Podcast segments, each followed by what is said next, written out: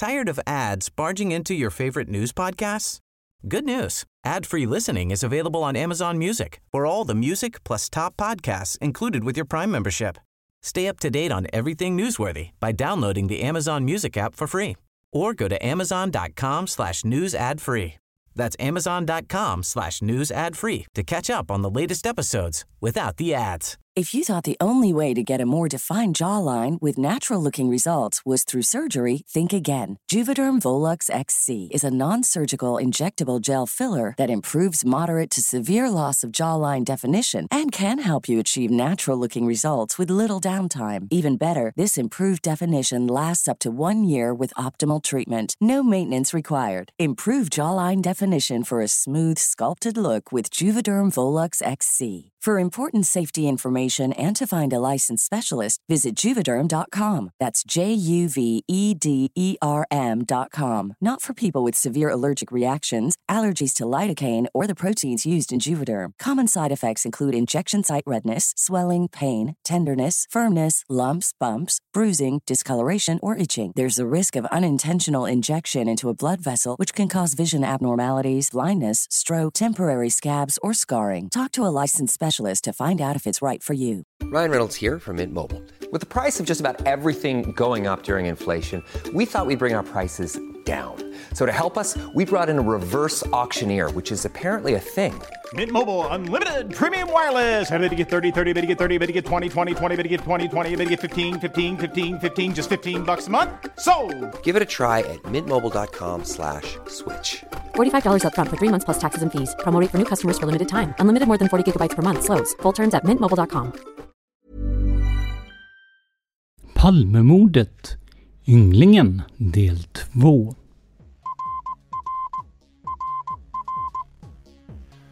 Sveriges statsminister Olof Palme är död. 90 000.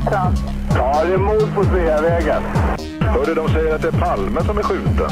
Mordvapnet med säkerhet är en Smith Wesson, en revolver kaliber .357. Inte ett svar. Finns inte ett svar. För jag har inget. Och jag har inte varit Varför skulle jag? Polisen söker en man i 35 till 40-årsåldern med mörkt hår och lång mörk rock. Välkomna till podden Palmemordet som idag görs av mig, Tobias Henriksson på PRS Media. Som ni vet finns det alla möjligheter att stötta oss ekonomiskt om ni tycker att det vi gör är bra. Det gör du lättast via patreon.com palmemordet där du kan skänka en summa som podden får per publicerat nytt avsnitt. Om det inte görs något nytt avsnitt en vecka, ja då betalar du heller ingenting.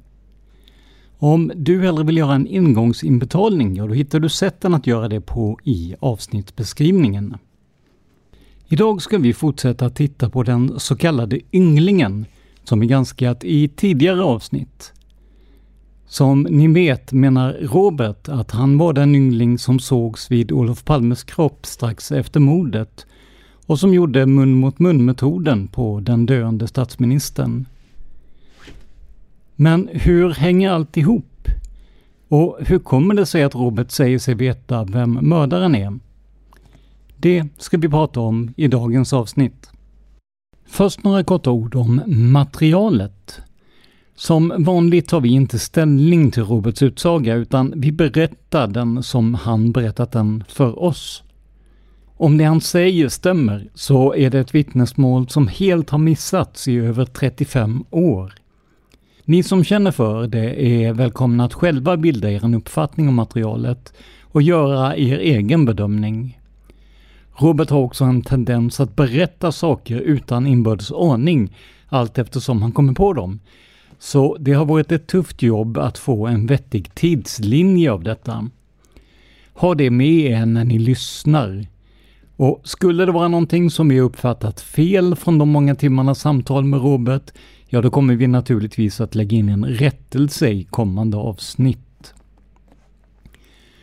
Anledningen till att avsnitt två i den här serien har dröjt, ja det har att göra med min hälsa. Den har inte varit på topp på sistone som ni kanske hört. Det absolut bästa hade såklart varit att publicera avsnitten efter varandra för att få en sammanhängande berättelse. Men nu blev det så här på grund av orsaker utanför min kontroll. Till sist. Det finns en del juridiska utmaningar i att återge Roberts berättelse. Han har pekat ut en gärningsman och även medgärningsmän med namn, jobb och ålder. En del av dessa är fortfarande i livet.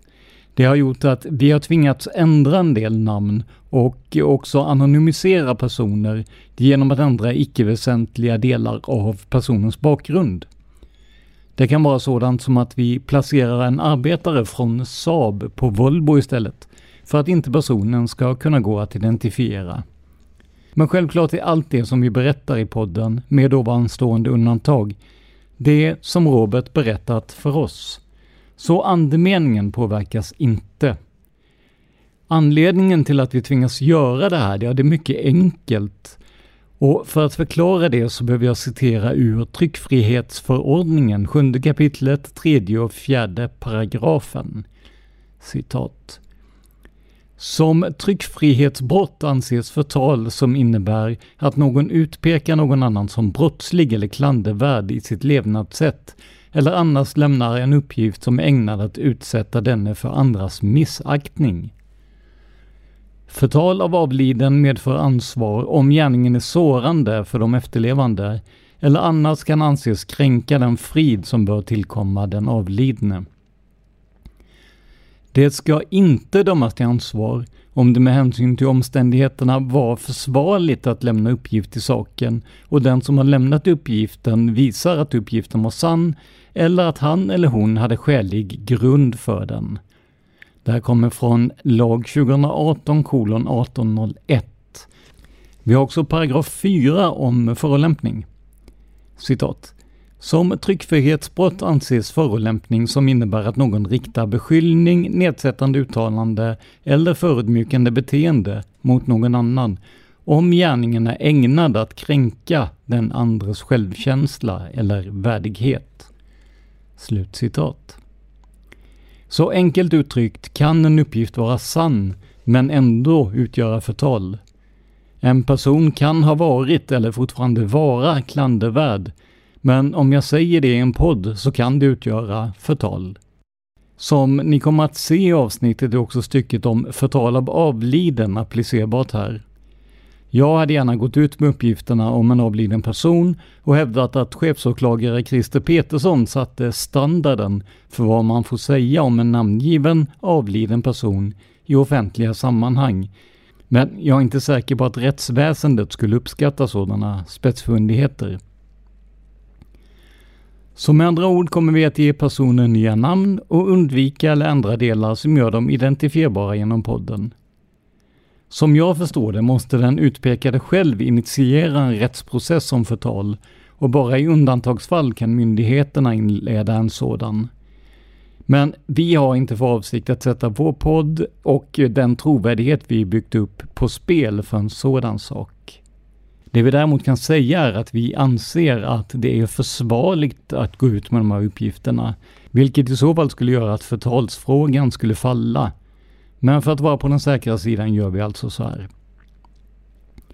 Så i dagens avsnitt kommer ni dels att få höra historien som Robert berättat den, men ni kommer också att få höra Robert själv i klipp från den intervju som gjordes med honom i Stockholm och som ni hörde korta klipp ur i förra avsnittet om ynglingen. För att den här historien ska bli så begriplig som möjligt så måste vi rekapitulera vad vi pratade om i Ynglingen del 1. Robert var 1986 en kille på 16 år med en något strulig tid i sitt liv, såväl vid tiden för mordet som efteråt.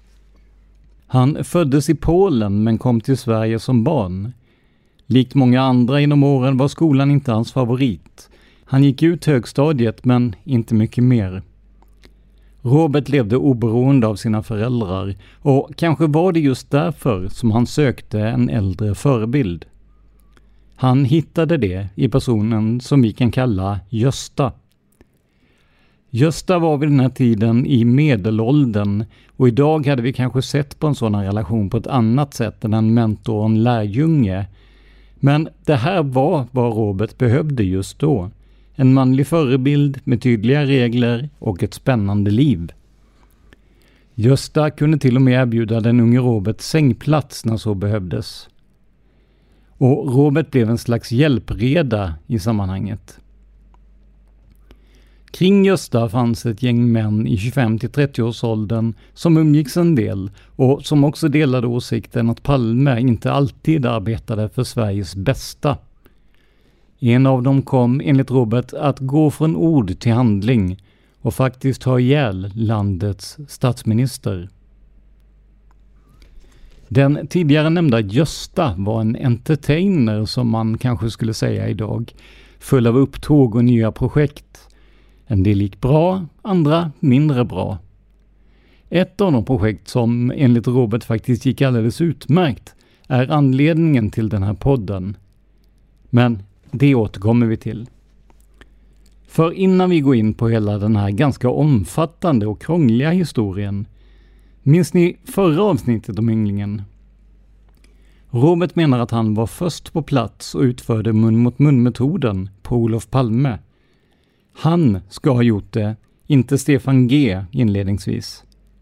Finns det då något som helst stöd för det här i utredningen? Ja, faktiskt. En man vid namn Göran I åker nämligen i samma bil som bland andra Stefan G. För att ni ska förstå hur det hela hänger ihop kommer vi att citera en del av förhöret med just Göran I. Inte att förväxla med personen vi kallar Gösta i berättelsen. Citat.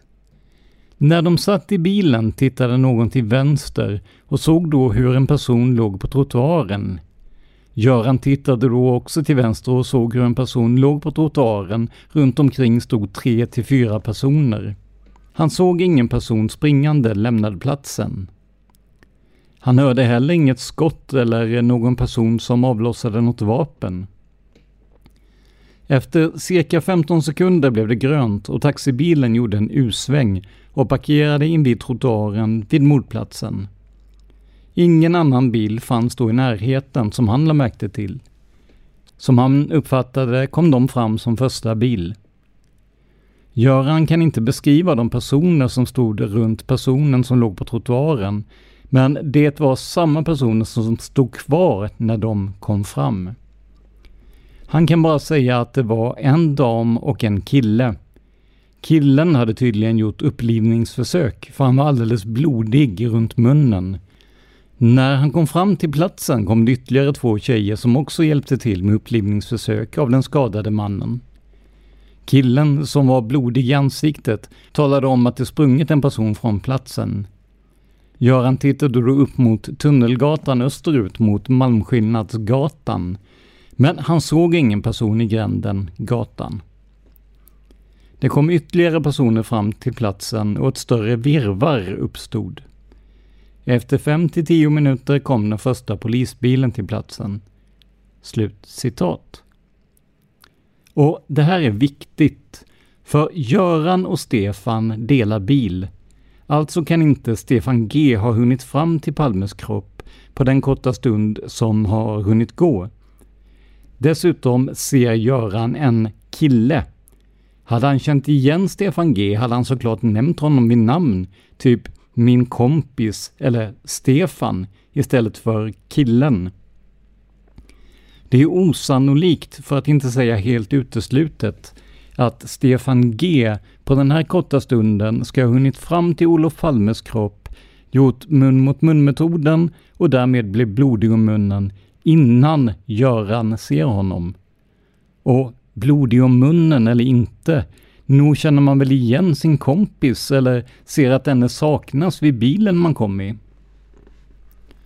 Det här gör att det faktiskt finns plats för en yngling som inte är Stefan G på platsen. Det innebär att det skulle kunna ge trovärdighet till Roberts berättelse. Men som med så mycket annat i Palmeutredningen är saker inte alltid så enkla som de verkar. För det är först 1988, två år efter mordet, som Göran I säger att han såg en yngling framme vid Palmes kropp innan Stefan kom dit. Två år är en lång tid och minnen kan ändras, förbättras eller för den delen suddas ut. Och faktum är att Göran i det första förhöret, hållet 1986, säger att han instämmer i Stefan Gs vittnesmål. Lägg till det att omständigheterna är oklara om hur det andra förhöret hölls. Jag har bland annat fått uppgifter om att det hölls på telefon samt att Göran I var berusad vid tillfället för mordet. Inget konstigt i det, det var ju trots allt en fredagkväll efter löning. Men det kan ju såklart ha påverkat omdömet och minnesbilden. Men trots detta, om Göran I står fast vid sin version från 1988 har vi en person som sett någon annan än Stefan G på platsen. Precis där och när som Robert säger att han var där. Men åter till berättelsen. De två personer som är viktiga att hålla i minnet här och som kommer att återkomma ofta är den vi kallar Gösta, den medelålders mannen, och en person som vi kan kalla Henrik. Henrik jobbade i nöjesbranschen och hade goda kontakter i såväl Sverige som andra nordiska länder. Gösta hade ett kontor för sitt företag och sina projekt och Robert fann sig ofta sittande där och bygga modellflygplan. En relativt vanlig och fullt normal hobby för en kille på dryga 15 år. Att sitta på en medelålders mans kontor och bygga däremot det kan ju såklart ses som minst sagt udda. Till kontoret kom ofta Henrik, som tycks ha haft en bra kontakt med Gösta. Ett stort antal andra personer, namngivna av Robert, kom och gick också, men för begriplighetens skull väljer jag att inte nämna alla. Men en som vi trots allt måste beröra är en person som vi kan kalla Jens. Enligt Robert jobbade personen inom polisen med datorer och var lite av ett datorsnille för den tiden. Jens ska ha hört i polisens omklädningsrum att paret Palme skulle vara obevakade på kvällen den 28 februari. Här går uppgifterna isär lite, för som vi vet fattades beslutet om att gå på bio samma kväll, men enligt Robert kan samtalet som Jens överhörde ha utspelat sig ett antal dagar innan. Vad som stämmer och inte är svårt att säga så här långt efteråt. Men om inte makarna Palme visste om att de skulle på bio dagarna innan, så kan vi onekligen sträcka oss till att säga att inte heller polisen visste om det. Möjligen kan de ha vetat att Palme skulle sakna livvakter på kvällen.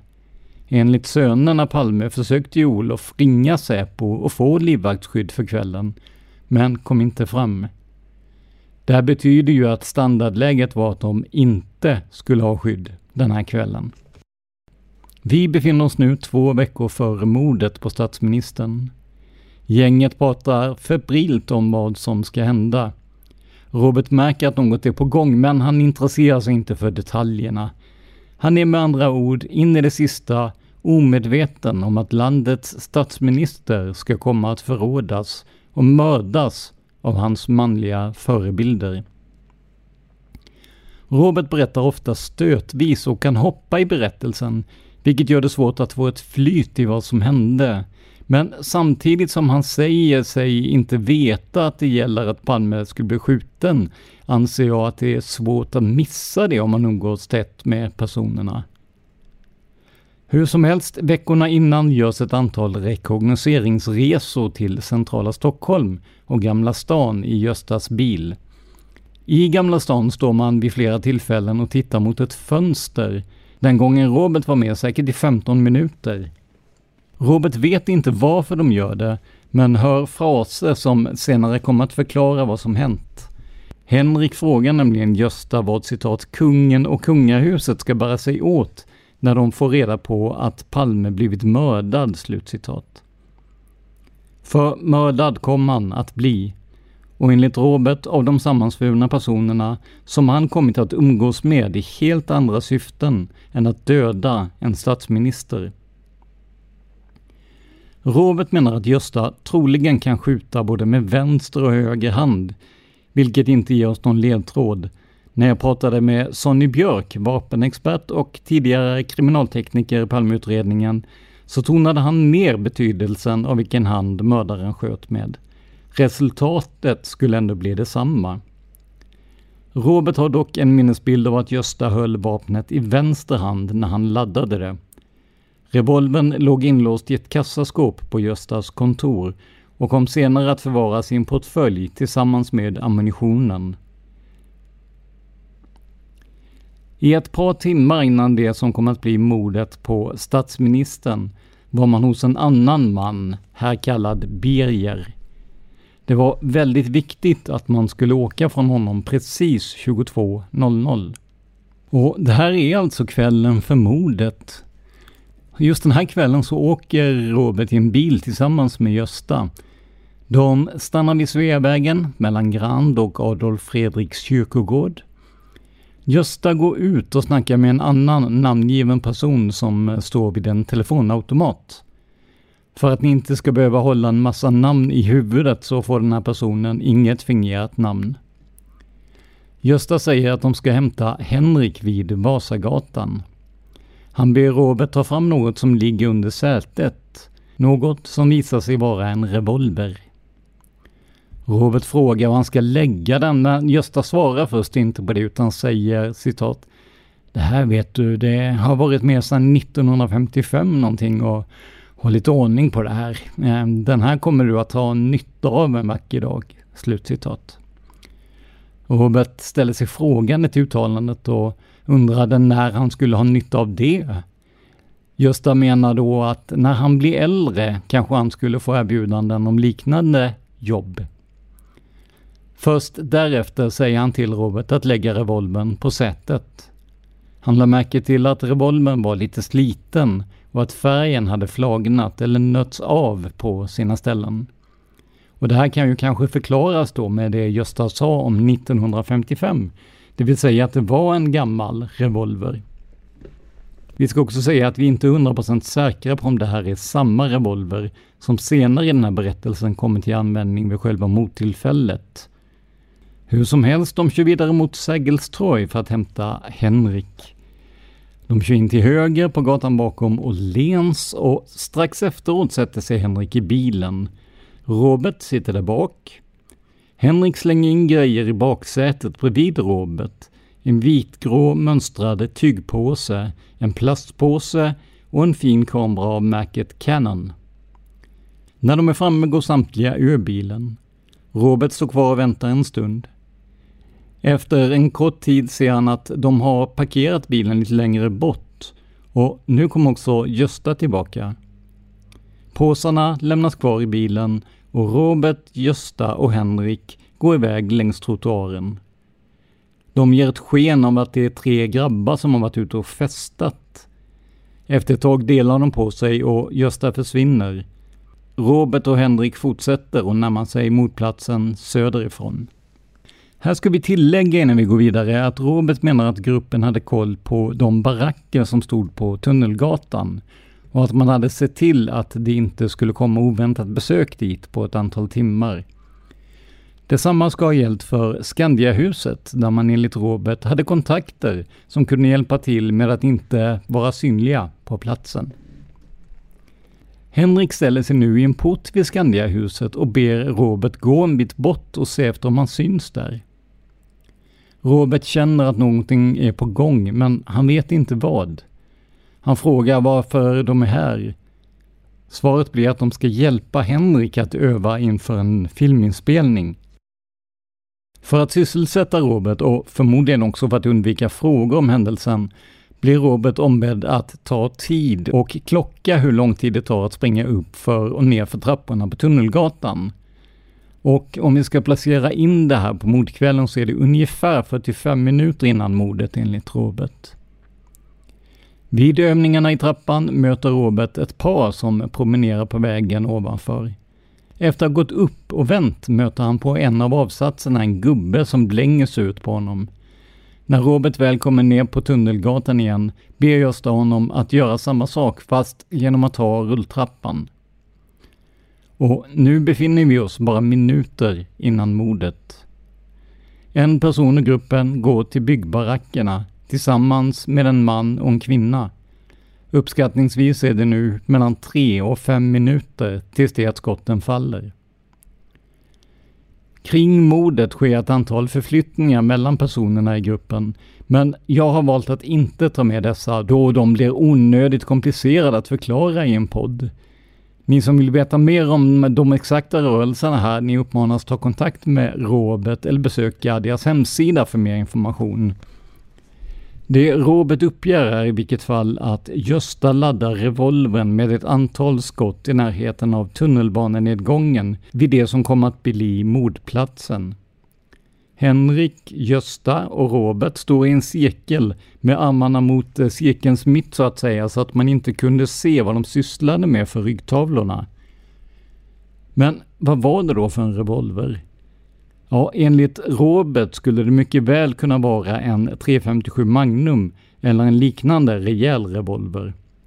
Och som sagt, vi vet inte, och Robert vet inte heller det så vitt vi vet, om det här är samma revolver som man tidigare tittade på i bilen. Robert och Henrik går sedan iväg österut tillsammans. Henrik säger först att Robert ska gå själv, men följer sedan trots allt efter. Robert vet att det finns en lägenhet på andra sidan Sveavägen och han tror att det var dit de gick. Där träffar de en bekant som de tidigare sett vid Göstas kontor. Syftet med just den här lägenheten är lite oklart, men möjligen kan den ha varit till för någon form av övervakning av platsen. Från lägenheten hade man nämligen utmärkt utsikt över Skandias entré och mordplatsen. Efter det gick de ner i tunnelbanan för att ta sig under Sveavägen och komma upp strax intill mordplatsen. Väl där träffar Robert Gösta, som säger att han träffat några finskor vid platsen. Gösta säger att han skrämt iväg dem. Och ni som kan Elas Borgnäs vet ju det här om de finska flickorna. Tillbaka till sekunderna innan mordet. Enligt Robert befinner han sig tillsammans med Henrik vid pelaren på Tunnelgatan, medan Gösta stod vid avfasningen till Dekorima.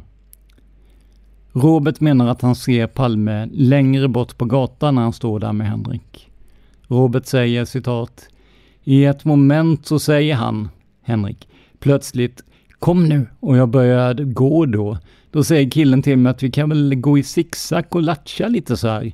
Så killen är på att fjantas genom att gå i zigzag, vilket jag då också börjar göra. Slutcitat. Och det här med zigzagleken, om vi kallar det så, tror Robert är ett sätt att avleda uppmärksamheten från själva mordplatsen. De båda fortsätter in på Tunnelgatan till vänster om barackerna och vidare runt hörnet. Strax efter faller två skott med cirka en till tre sekunder mellan varje. Robert och Henrik vänder och går tillbaka mot Tunnelgatan. På vägen dit möter de Gösta som kommer springande eller lunkande. Gösta stoppar ett vapen i en påse och ger det till Henrik. Robert och Henrik fortsätter mot Tunnelgatan. De befinner sig nu i korsningen Tunnelgatan-Luntmakaregatan. Och när Robert tittar norrut ser han Gösta försvinna in i Skandiahuset via en bakdörr på just Luntmakargatan. Tired of ads barging into your favorite news podcasts? Good news. Ad-free listening is available on Amazon Music for all the music plus top podcasts included with your Prime membership. Stay up to date on everything newsworthy by downloading the Amazon Music app for free or go to amazon.com slash news ad free. That's amazon.com slash news ad free to catch up on the latest episodes without the ads. How would you like to look five years younger? In a clinical study, people that had volume added with Juvederm Voluma XC in the cheeks perceived themselves as looking five years younger at six months after treatment. Look younger, feel like you. Add volume for lift and contour in the cheeks with Juvederm Voluma XC. Reverse signs of aging by adding volume to smooth laugh lines with Juvederm Volure XC. For important safety information and to find a licensed specialist, visit juvederm.com. That's J U V E D E R M.com. Not for people with severe allergic reactions, allergies to lidocaine, or the proteins used in Juvederm. Common side effects include injection site redness, swelling, pain, tenderness, firmness, lumps, bumps, bruising, discoloration, or itching. There's a risk of unintentional injection into a blood vessel, which can cause vision abnormalities, blindness, stroke, temporary scabs, or scarring. Talk to a licensed specialist to find out if it's right for you. Hey, I'm Ryan Reynolds. At Mint Mobile, we like to do the opposite of what Big Wireless does. They charge you a lot, we charge you a little. So naturally, when they announced they'd be raising their prices due to inflation, we decided to deflate our prices due to not hating you. That's right. We're cutting the price of Mint Unlimited from $30 a month to just $15 a month. Give it a try at mintmobile.com slash switch. $45 upfront for three months plus taxes and fees. Promo for new customers for limited time. Unlimited more than 40 gigabytes per month. Slows. Full terms at mintmobile.com. Henrik säger till Robert att gå bort och titta vad som har hänt utanför Dekorima, vilket Robert gör i akt och mening att hjälpa den skadade. I det här läget vet han förstås inte att det är landets statsminister och inte heller vet han att gruppens plan nu verkställts. Precis innan han tar sig bort till Palme vänder han sig om och ser då Henrik och en person vi kan kalla Rickard springa upp för trapporna på var sin sida. Väl framme vid Olof Palmes kropp försöker Robert lugna ner Lisbeth. Robert säger till oss att han har lärt sig att man inte ska göra hjärt och lungräddning om det kan komma hjälp inom 5 till 8 minuter.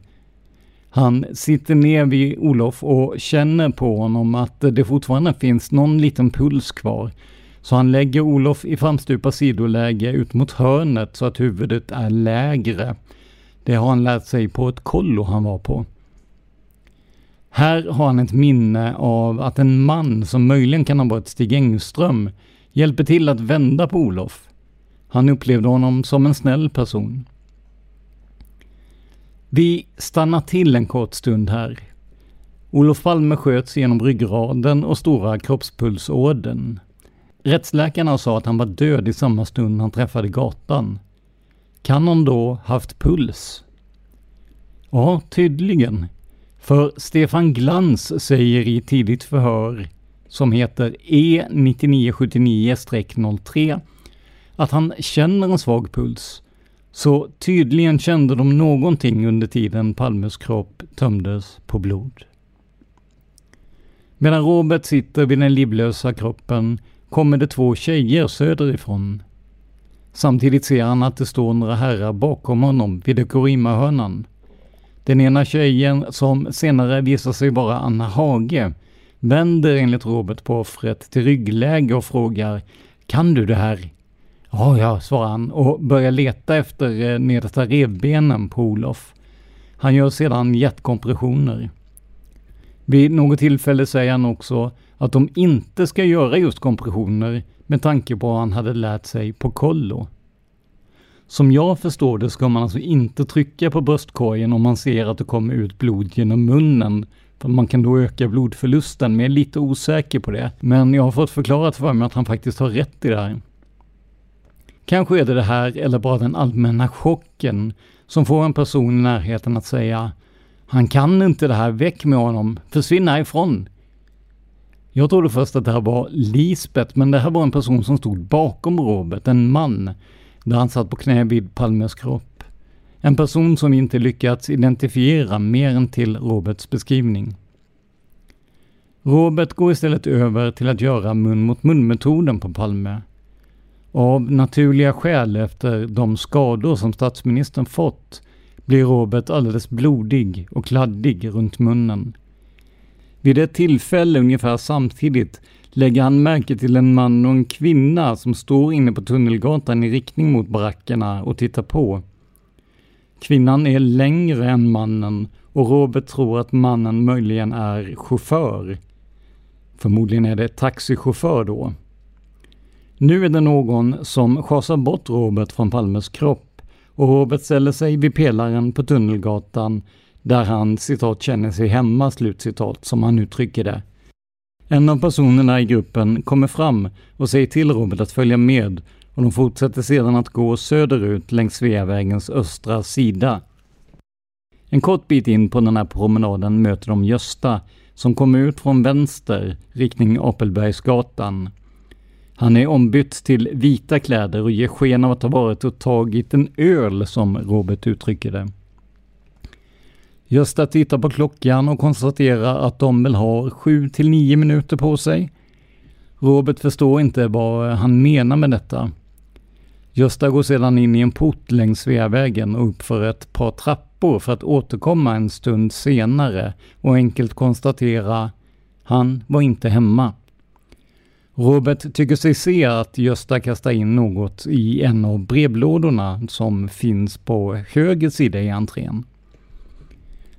Promenaden fortsätter och personen som inte namngivit samt Gösta, som egentligen då heter något annat, diskuterar vilken sida av vägen de ska gå på. Robert uppfattar att det har med det som hänt att göra och att de inte ska synas för polisen. Framme vid Kungsgatan går de mot vänster. Man fortsätter promenaden ytterligare fram emot bron, där de söker en parkerad bil. Dock står inte den där det var tänkt och Gösta blev smått irriterad och frågar var Henrik har tagit vägen. Han skulle ju vara där. Längre bort på höger sida finns dock både bilen och personen som ska ta de påstådda gärningsmännen och den ovetande ynglingen från platsen. När de kommer fram till bilen får Robert byta till en annan jacka. Han får faktiskt en snygg skinnjacka.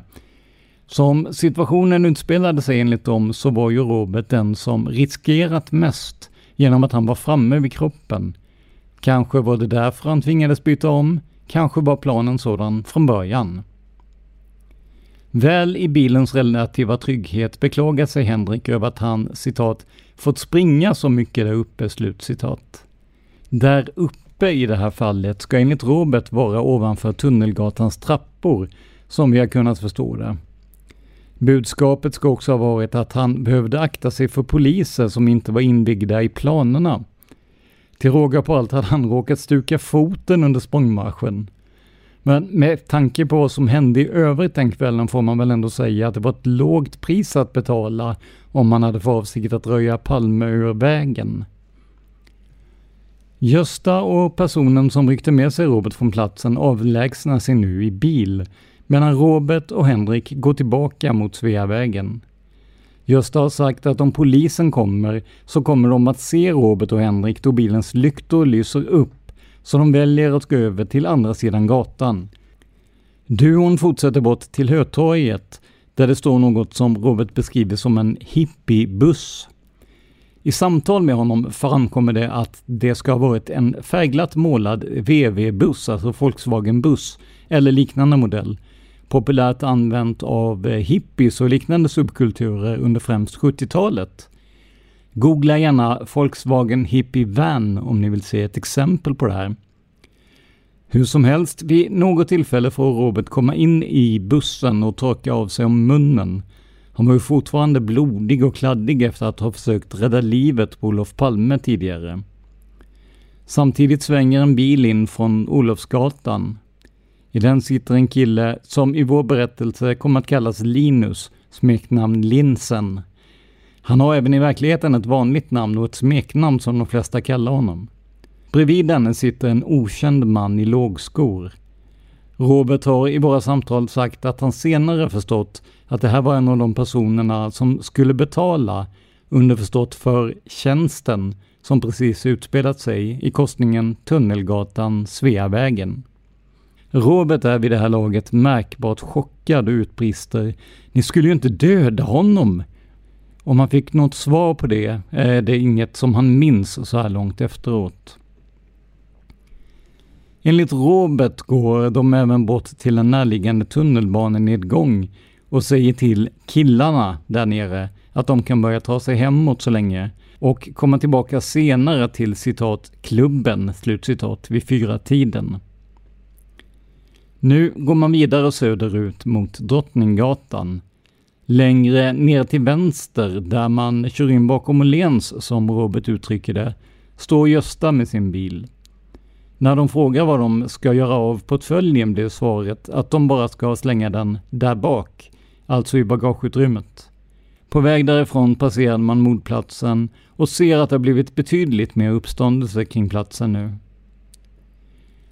På detta följer ett antal rörelser inom gruppen som är nästintill omöjliga att beskriva i tal utan hjälp av kartor och liknande. Men efter ett tag upplöses gruppen för kvällen och Robert tar sig hem, fortfarande bärande på plastpåsen med de blodiga trasorna han torkat av sig på tidigare under kvällen. Påsen hamnar i en soptunna längs vägen. Någon återsamling klockan fyra, ja det blev det inte. Det är för mycket liv, är gruppens förklaring. Nästa dag ska Henrik ha kört bilen in till stan och tillsammans med Robert stannat vid korsningen Mäster Samuelsgatan Slöjdgatan. Ännu en gång ser Robert den så kallade hippiebussen, den här gången på just Mäster Samuelsgatan. Robert ser Henrik ta upp ett antal patroner eller kulor som denne sprider ut på marken. De här är lätt skadade blykulor och de var smalare än de som det sköts med, uppger Robert. Och Det här är i korthet vad Robert har uppgett. Det har varit svårt att få en bra kronologi på det hela och ibland tycks två olika versioner av händelseförloppet motsäga varandra, även om det efter en förklaring oftast får sin lösning. Men för att sammanfatta det hela så menar Robert att Gösta mördade Olof Palme och att ett antal andra personer, däribland de vi kallar Henrik och Linsen, var delaktiga i det. Observera nu att podden inte pekar ut någon som gärningsman eller inblandad. Vi förmedlar bara vad Robert har berättat. Det som slår mig i den här historien är att gruppen tycks ha haft tillgång till ett antal platser kring mordplatsen. Robert menar ju att man kunde ta sig in på såväl Dekorima som Skandiahuset samt såklart byggbarackerna som fanns där vid den här tiden. Mer om det kommer ni få höra Robert berätta om en stund. Frågan som uppstår är om allt det här är rimligt. Vi pratar alltså om en konspiration där den innersta kärnan består av cirka 4-5 personer, utan andra motiv än att de inte gillade Palme, och enligt Robert också ett ekonomiskt motiv. Ser man det rent objektivt, ja, då finns det ju betydligt knepigare spår än så som har fått fäste.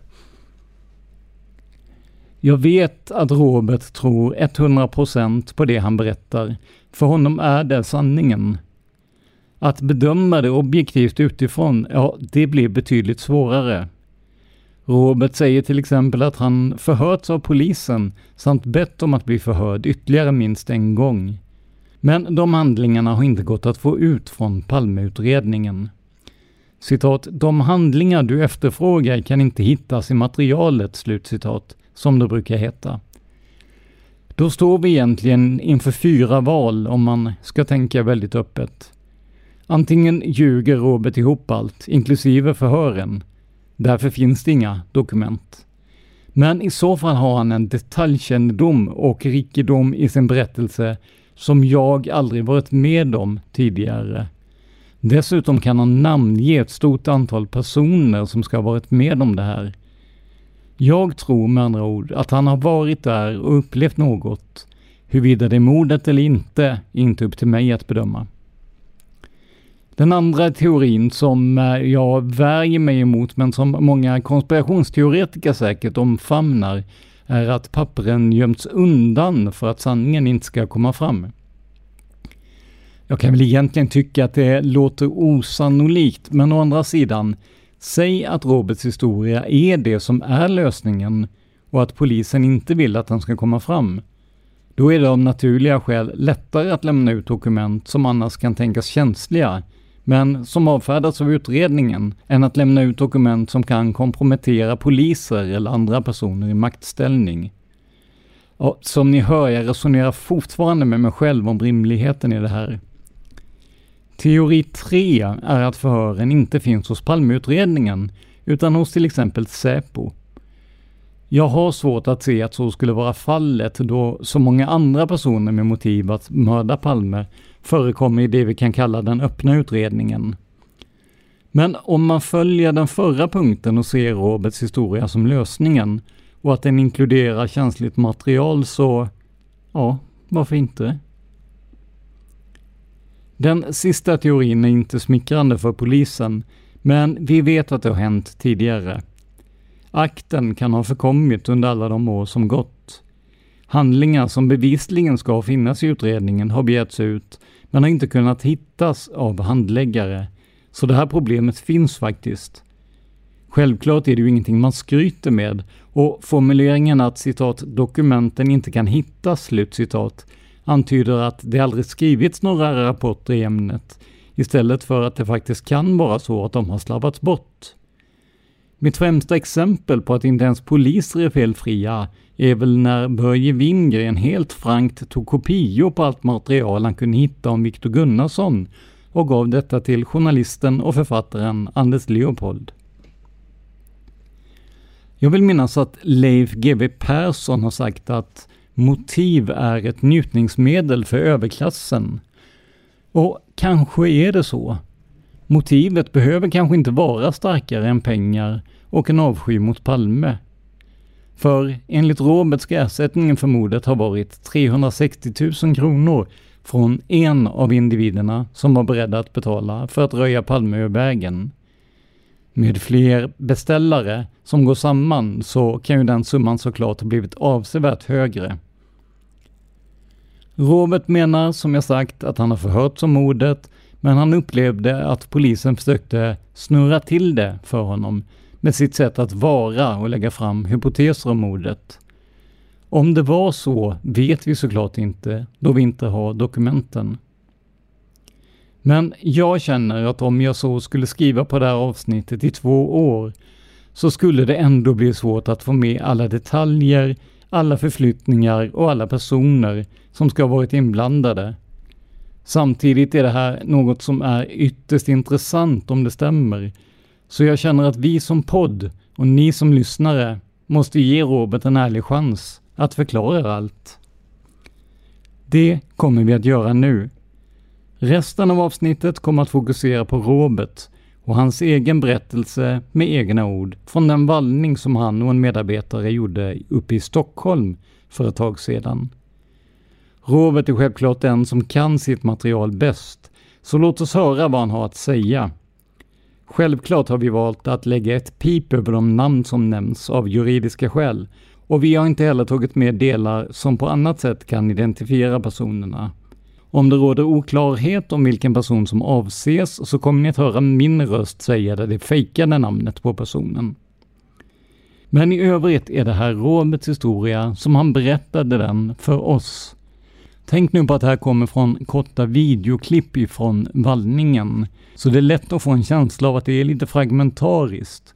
Men med den bakgrundsinformation ni har från avsnittet och med Robert som berättar om vad som faktiskt hände, så hoppas vi att ni också kan få en bra bild av Roberts berättelse. Det var viktigt som fan. Och vad var klockan då ungefär? Exakt 10 från Solna. Mm. 22. Exakt, det var viktigt. På fredag? Ja. 10 på morgonen, då åker ni från Nej. 22.00 Ja, exakt. 22 ja. Ja, jag tänkte väl. Mm. Ehm, och Då hade han ställt bilen så att det var på gatan så han kunde se den. och ehm, då far ni in i den gröna Volvon. Japp. Kommer in i Norrtull. Ja. Vi kör svar, hela Sveavägen raka vägen in.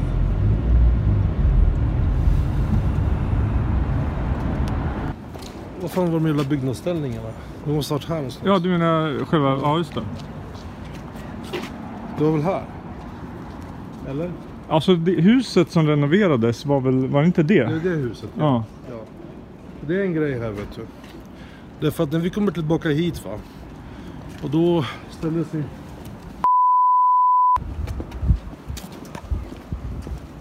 Barackerna var här va? Mm.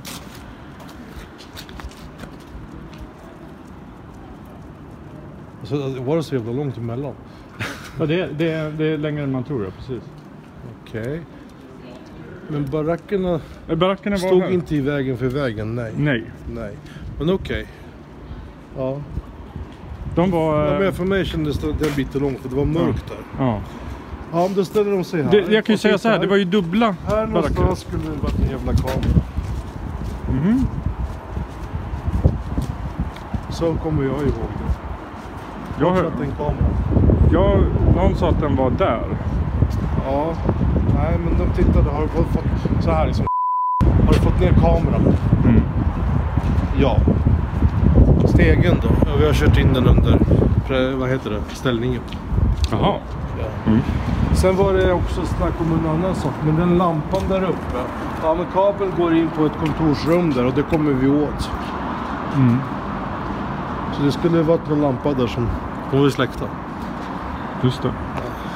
Hur, släckte, hur släcktes de då? Inte vet jag. Nej. Nej.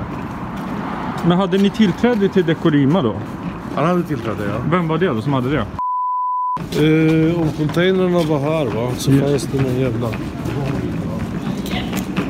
Gick du in, gick du upp i, vid, i eh, baracken? Nej, vi gick in i baracken härifrån. Ja. Då rakt fram var hyllor. Där ra radiogrejen stod va. Och på vänster hade han klistrat igen eh, de här jävla fönstren. Ja. Och frågade inga finger, fingeravtryck och sånt va. Nej. Och till höger var det då en ventil och så var det fikarum va. Vad sa du att det var? En ventil på höger sida där va. Ja. Han sa att kabeln det kan jag rycka bort sen. Mm. Det sa han på kontoret också va. Eh, och då var det rosa stolar kommer jag ihåg. Eh, Alltså såna här, inte rosa men vad heter de? Orangefärgade. Mm. Stolar? Stolar och ett bord. Ja, inne i barackerna. Inne i baracken. Det var varmt och skönt. Vilken våning var det då? Det här första. Första, så Ja. det var längst ner? Längst ner. Var ni ens på övervåningen? Nej, jag var aldrig uppe på övervåningen. Men den här killen gick upp sen. Nu går jag upp, sa han. Ja. Men då- då kom de va. En efter en här. Frågade det om det, om det, om det va. Okej. Och då har jag för mig att de skickade mig att köpa cigaretter. Mhm. Till ett ställe. Men det är bara det jag kommer inte ihåg exakt nu. För jag tyckte det var ditåt. Mm. Men här finns det ingenting ditåt. Eh, nej. Jag kommer inte ihåg att jag skulle gått upp för någon backe heller. Jag skulle köpa Röda Prins i alla fall. Ja. Ja, vad, vad, gör- vad gör vi här? Vi ska hjälpa träna inför en filminspelning. Okej. det. Ja, vad ska vi göra då? Ja, eh, kom. Så han ber mig. Vi promenerar bort så här. Ja, alltså vi går så här liksom typ va. Vad ska jag göra? Ja, du kan väl räkna stegen. Okej. Gå upp i lagom hastighet eller halvspring va. Ja. Räkna stegen. Och det var, du, det var det du gjorde? Det är det jag gjorde ja. Kommer du ihåg vilken sida du gick på? Jag tror att det var den sidan. Jag tror det var 84 men tydligen är det inte det 87 va. Men det, jag fick till 84 vad jag Okej. minns va. Jag vill ta en bild på det där. Här går vi normalt. Promenerar långsamt. Då frågar jag vem var den där killen där? För det var en automat eller telefonkiosk någonstans här. Var det det här? Var det inte det här då? Eh, ja, jag, jag vet faktiskt inte riktigt vad den jag var. har för mig att var någon pengar här någonstans. Okej. Och han skulle ringa. Ja, ja. Sure. Eh, jag har aldrig riktigt förstått var den är någonstans, men det vet ju andra. Nej, ja. Jag har för mig att det ska varit här någonstans. Ja. Okej, Då det vi promenerar här. Här är ju egentligen en Ja, dag. här någonstans. Så hör vi de här. Boom! Boom! Och fan, nu är det julafton igen va? Nyårsafton va? Vi promenerar här. Ja. Vi hör smällarna strax efter här någonstans. Ja. Hur många smällar var det Två. då? Du, du Det var alltså jävla fyrverkeri. Boom! Boom! Ja. Just det. Fan, nyårsafton tänker, tänker jag. Ja. Så fortsätter vi promenera. Ja. Vi kommer längre bort så här. Kanske något sånt. Nej, men nu kommer vi för långt va. Man får ju tänka att det kanske Nej, nej, nej, vi kommer för långt va. Så börjar vi gå tillbaka en bit. Ja, ni säger det. Ja, han säger det. Vi går för långt nu. Okej. Ja. Så vi börjar gå tillbaka här. Här någonstans tror jag. Ja, eh, vi kan säga så här. Eh, ni går tillbaka lite du. Vi går tillbaka lite grann ja. Ja. Eh, vad händer då egentligen när ni går tillbaka? Kommer det... För han tyckte vi hade gått för långt va. Då kommer gå, eh, ja, rask takt va. Ja. Stanna här du, där du är ungefär. Ja. Och eh, titta på honom då. Står kvar där. Ja. Eh, står här, jag står här. Eh, min plats nu då va. Ja. Han tar upp patroner och det han har kvar i fickan. Mm. stoppade ner det i en plastpåse. Jag minns. Vad var det för färg på den? Också vit och röd. Okej. Och så var det, jag tror jag att han fick en plastpåse av... eh, Och så visade här. Jag har redan byxorna under va. Ah, Det var vita byxor under. Ja, just det. Ja. Och jag tror han hade jackan också under. just det. Det var därför han var så här Ja, ja. plumsig. va? Ja, just det. Ja. Och då hade han eh, andra skor på sig. Mörka. Just det. För sen när han kom ut där va, någonstans. Ja. Så hade han på sig vita gympaskor och Var en annan människa en till. annan människa. Ja. Du har varit och tagit en öl. Officiellt. Officiellt. Så. Jag kommer fram här. Han ligger ner här. Eh, Jag tror att huvudet låg någonstans eh, här någonstans. Tror jag. Eller där. Jag minns inte exakt. Nej. Och hon, tanten. Hon är ute här. Och är på väg ut i, vad heter det? Trafiken. Trafiken. Jag frågade henne- för jag var förvirrad själv. Jag visste inte vad som hade hänt. Typ, typ, va? Vad är det som har hänt? Ja, han har blivit skjuten då. Va? Okej, men lugna ner dig nu och så va. Jag börjar... Vi går, vi går tillbaka hit. Hon blir stående här. Jag lägger han till rätta mera. Jag ser det kommer blod ur munnen va. Så jag lägger honom i jävla framstupat sidoläge. På det här hållet. Sen börjar jag känna efter puls och sånt va. Och då fanns det fortfarande någonting. Och det, jag menar, det är dumt att börja göra någonting va. Då, det är inte bra om det kommer blod ur munnen. Hade jag lärt mig då. Just det. Ja. Så jag ko- kommer ut här. Ja. Hur såg platsen ut då? Helt jävla öde. Det var inga människor här? Ingenting. Förutom du och Lisbeth. Jag och Lisbeth. Vad hade du gjort innan alltså? Hade du... Jag la honom i framstupat sidoläge här. Ja. Ja. Det finns inte en själ här. Ingen bilar, ingenting. Hon får lite panik, hon börjar springa ut här. Jag kommer ut här någonstans. Ja. Och då kommer det, tror jag var en taxi först. Som svängde runt va. Sen så kom det någon folk. Men jag är tillbaka här. Ja. In, in, nere på knäna. Ja. Nere på knäna här. ja. Och börjar du ge... Nej, jag började inte. Anna Hage, tjejerna kommer från det här hållet. Ja. Och vad händer då? Vad gör du då med Lisbeth så att säga? Jag, jag är kvar här nere på knäna. Och eh, Anna Hage lägger honom på rygg då. Och ber mig om jag kan eh, hjälpa till att pumpa eller någonting. Jag börjar knäppa upp där och leta efter första revbenen. Ja. Och så är det, plötsligt så är det några gubbar bakom mig här. Så plötsligt så har jag några gubbar bakom här va? Ja. Bakom ryggen här på mig. Samtidigt när jag ser dem så ser jag det här paret som står här också. Eh, kvinnan och mannen som hade kommit tidigare. Då ser jag ögonvrån här borta. När vi hade kommit tillbaka med hit. Ja. Då dök ju, vad heter det, han och det här paret upp. Plus en kille till som bara gick förbi. Ja. Men i alla fall här då. Jag lugnade ju ner henne och sova. Och jag fann det ju, som jag hade lärt mig, att man ska ju inte börja hjärt och lungräddning om det kom, kan komma någon hjälp inom 5, 7, 8 minuter va. Och det fanns puls fortfarande kvar va. Det gjorde jag ingenting. Men sen när de kom va, och jag satt och kände efter. De kommer ju härifrån någonstans. Vilka kom? Anna, eh, en tjej. Ja, en tjej som Ja. visade sig vara Anna Hage. Ja, och då hade jag också samtidigt någon här bakom mig. Okej. Och den är, när, när hon säger kan du, kan du det här va? Ja, ja, så började jag leta efter de här revbenen och det va. Och jag började väl göra någonting. Men så, så, så var han där bakom var otrevlig va. Något läge där. Han, han kan inte det här. Väck med han härifrån va. Försvinn härifrån. Men eh, då eh, tog jag istället och blåste munnen på honom. Okej, mun mot mun. Mun mot mun ja. För hon hade hållit på med det och sen fick jag blåsa va. Hur gjorde du det då om man säger? Ja. Okej. Jag blev ju blodig och kladdig allting va. Ja. Eh, och ja, de jagade iväg mig. Och då gick jag här någonstans. och blev stående här. Okej. Och då kommer den långe Ja. Och kom här nu. Och vi går. Kommer ut. Det var i natt vet du. Ja, jag har varit och tagit en öl. Mm. Ja. Och så fortsätter vi gå med Är det det här du menar är genomgången? Ja, det kan varit det ja.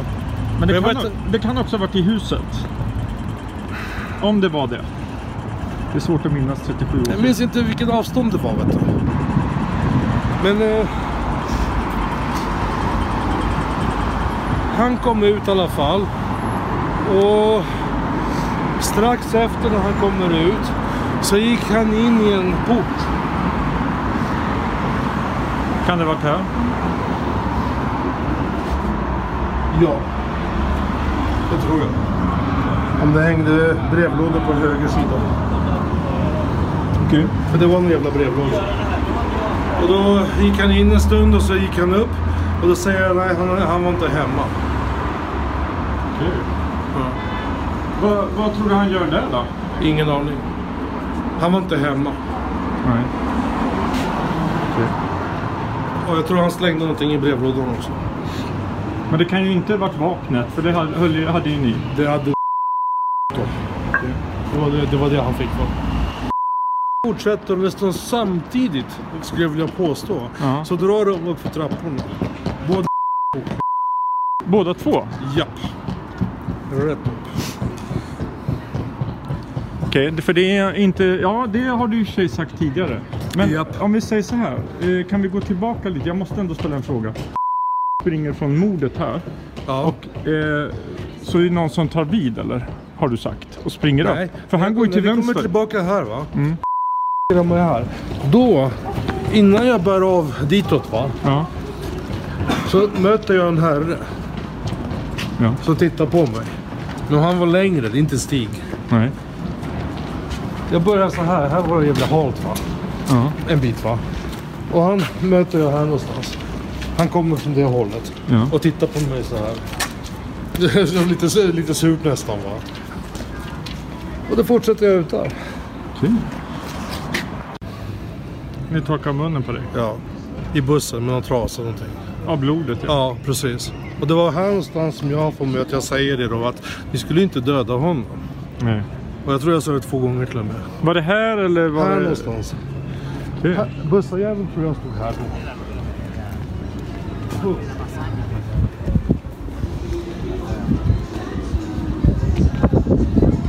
Sen går vi vidare hit. Det här är alltså Roberts berättelse i stora drag, men med alla väsentliga delar med. Som jag sagt tidigare, vi har valt att avidentifiera personerna för att undvika juridiska problem. Ärligt talat är jag inte speciellt rädd för att personerna i den här historien ska stämma mig, men skulle det ske så vore det såklart förödande för poddens trovärdighet oavsett utgång. Dessutom skulle Roberts historia hamna i oförtjänt dålig dager om det skulle bli en rättssak av det hela.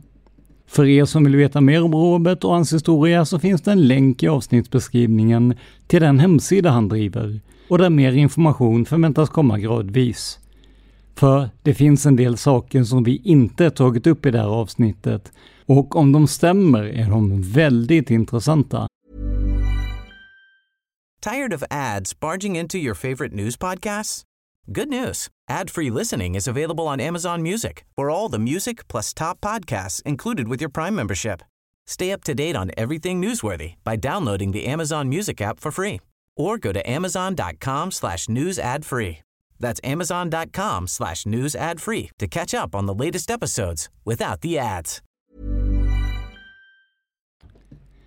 Men det är Robert som äger sin historia och han får välja hur och när han vill gå ut med resten.